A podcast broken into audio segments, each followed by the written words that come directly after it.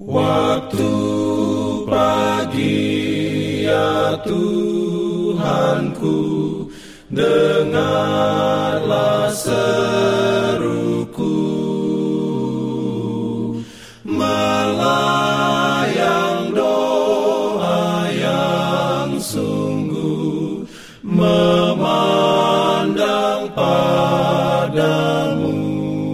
pagi pendengar Radio Advent Suara Pengharapan. Mari mendengarkan suara Tuhan melalui tulisan pena inspirasi Bersama Allah di waktu fajar. Renungan harian 5 Mei Dengan judul Pikiran daging adalah seteru Allah Ayat inti diambil dari Roma 8 ayat 7 dan 8 Firman Tuhan berbunyi, "Sebab keinginan daging adalah perseteruan terhadap Allah, karena ia tidak takluk kepada hukum Allah. Hal ini memang tidak mungkin baginya." Diberikannya perlindungan dalam pimpinannya. Urayanya sebagai berikut. Manusia pada mulanya dikaruniai kuasa berpikir yang mulia dan seimbang. Manusia itu sempurna tubuhnya, selaras dengan kehendak Allah. Pikiran-pikirannya bersih, maksud-maksudnya pun suci. Tetapi karena durhaka, kuasanya berubah, lalu mementingkan diri sendiri, mengambil alih tempat kasih itu. Keadaannya menjadi amat lemah karena pelanggaran itu, sehingga membuat dia tidak mungkin dengan kekuatannya sendiri melawan kuasa kejahatan itu.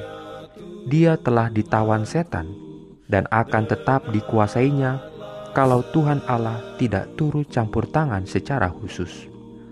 Maksud penggoda ialah menghalang-halangi rencana ilahi di dalam penciptaan manusia itu. Lalu memenuhi bumi ini dengan bencana yang memilukan. Dan dia akan menunjukkan bahwa semuanya ini terjadi sebagai akibat pekerjaan Tuhan Allah dalam menjadikan manusia itu. Dalam keadaan tanpa dosa, manusia dapat mengadakan hubungan yang menyenangkan dengan Allah, yang di dalam dialah tersembunyi segala harta hikmat dan pengetahuan. Tetapi sejak manusia jatuh ke dalam dosa, manusia tidak dapat lagi menikmati kesenangan hubungan yang kudus itu. Bahkan dia mencoba menyembunyikan dirinya dari hadapan hadirat Tuhan Allah. Demikianlah selalu keadaan hati yang masih belum dibarui. Ia tidak sesuai dengan Allah dan tidak akan mendapat kesenangan dalam hubungan dengan Dia. Orang yang berdosa tidak senang di hadapan Allah. Dia akan takut dan mengundurkan diri dari pergaulan dengan makhluk-makhluk yang suci. Sekiranya dia diperkenankan memasuki surga, hal itu tidak akan menggembirakannya. Kasih yang tidak mementingkan diri sendiri, yang bertahta di surga, setiap hati yang menyambut hati kasih Allah yang tiada batasnya, tidak akan mendapat sambutan di dalam jiwanya. Pikiran-pikirannya yang memikat hatinya, motif-motif yang terdapat padanya, berlawanan dengan orang-orang yang tiada berdosa yang tinggal di sana.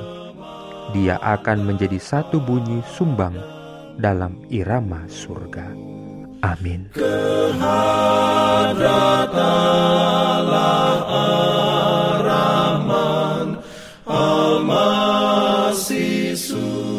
Pendengar yang dikasihi Tuhan, di tahun ke-35 pelayanan AWR Indonesia, kisah dan kesaksian pendengar terkait siaran dan pelayanan audio kami terus-menerus dikompilasi.